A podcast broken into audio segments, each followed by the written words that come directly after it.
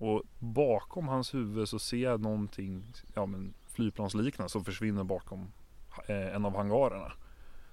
Och jag vet att det känns som en lång tid.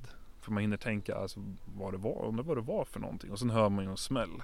Sen kommer det ner, det här minns jag särskilt, det kommer ner en kille från flygledartornet.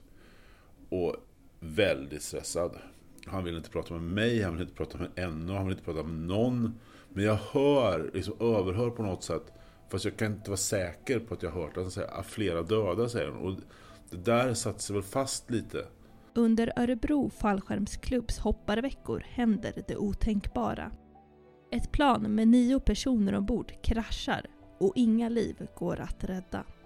Tyvärr så är ju eh, möjligheterna för oss att rädda liv är ju i stort sett noll när vi kommer fram och konstaterar att planet har brunnit och att det är deformerat. Vi är en liten fallskärmsklubb och tillsammans så delar vi ett underbart äventyr och vi gör fantastiska saker tillsammans.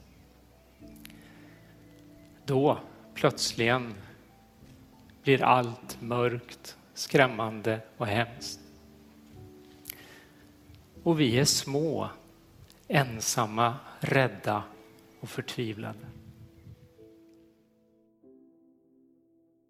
NA Dokumentär om dödskraschen på Örebro flygplats